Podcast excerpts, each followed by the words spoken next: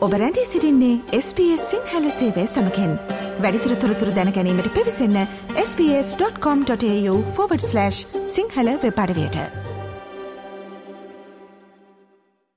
SBS SBS SBS SBS SBS SBS Radio.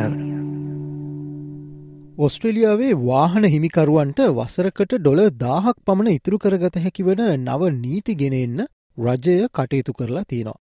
මෙම නීති හඳුන්වාදීමත් සමග කාබන් විමෝච්චනය අඩු හෝ ශූන්‍ය වාහන සහනදායි මිලට වැඩි වශයෙන් වෙළඳ පොලට එකතුවන ඇති බව විශ්වාස කරනවා. මේ සම්බන්ධයෙන් වැඩිදුර තොරතුරු අද වැඩස්ටානෙන් ඔබට දැනගන්න පුළුවන්. ඔස්ට්‍රලියාවේ යෝජිත වාහන කාර්යක්ෂමතා ප්‍රමිතිීන් නිසා නව මෝටරත ගැනුම්කරුවන්ට වඩාත් දැරිය හැකි මිලකට වාහන ලබා ගැනීමට හැකිවනු ඇති බව අපේක්ෂා කරනවා. ශූන්‍ය විමෝචන එනම් සීරෝ එමිෂන් වාහන වෙළඳ පොලට ගෙනීමට සමාගම් දිරිමත් කිරීම මගින් පාරිභෝගිකයන්ට වාහනයක් තෝරා ගැනීමට වැඩි අවස්ථාවක් ලබාදීම මෙමගින් අපේක්ෂා කරනවා. මේ නිසා ඔස්ට්‍රේලියාවේ රියදුරන්ට වසරකට ඩොල දාහක පමණ ඉන්දන ඉතිරියක් ලබා ගැනීමට හැකියාවක් තියෙන බව වාර්තා වෙනවා.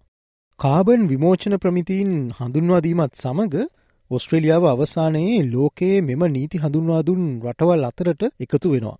මධ්‍යම රජය හඳුන්වාදුන් මෙම නව කාබන් විමෝචන නීති සමගින් රථවාහන මිලදීගන්නන්ට වාහන තෝරා ගැනීමේ අවස්ථාද පුළුල්වීමක් සිදුවෙනවා. වාහන වෙළඳ පොළ තුළ තරඟකාරීව සහ සහන මිල ගණන් යටතේ කාබන් විමෝචනය නැති වාහන ගෙන්වීමට සමාගම් දිරිමත් කිරීමට රජය බලාපොරොත්තු වෙනවා. ඇමරිකාවේ පවතින කාබන් විමෝචන තත්ත්වයන් අනුගමනය කරමින් ඔස්ට්‍රලියාව මෙම නව නීති හඳුන්වල දීලා තියෙනවා. එහිදී ඉන්දන කාරක්ෂමතාවෙන් ඉහළ වාහන සඳහා නිෂ්පාදකයින් වැඩි වශයෙන් ආයෝජනයට පෙළඹවීම බලාපොරොත්තු වෙනවා. ඉන්දන පාරිභෝජනය අධික වාහන සහ කාබන් විමෝචනය ශූන්‍ය හෝ අවම වාහන අලවිය සමතුලිත කිරීමද මෙම නීතිය මගින් බලාපොරොත්තු වෙනවා. ඉන්දන පාරිභෝජනය අධික වාහන සහ කාබන් විමෝචනය ශූන්‍ය වාහන අලවිය සමතුලිත කිරීමටද මෙම නීතිය මගින් බලාපොරොත්තු වෙනවා. මේ වන විට විමෝචන ප්‍රමිතියක් නොමැති දියුණු ආර්ථිකයන් ලෙස පවතින්නේ ඔස්ට්‍රේලියාව හා රුසියාව පමණයි.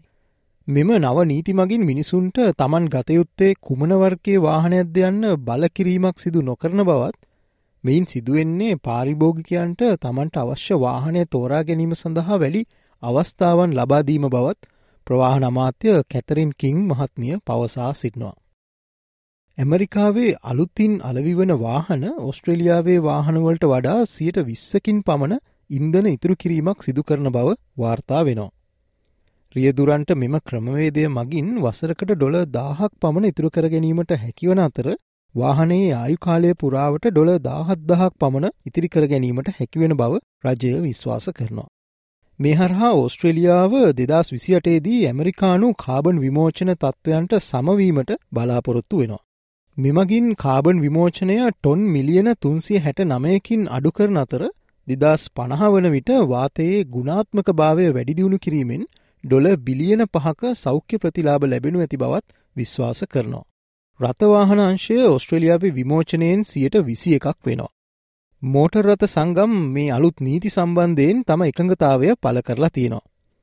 හොඳම සහ ලාභ විද්‍යුත්වාහන සම්බන්ධයෙන් ඔස්ට්‍රලියාව සැමවිටම පසු පසින් සිටින බව ප්‍රධාන විදායක බේයාඩ් ජෆාරි පවසා සිටිනවා.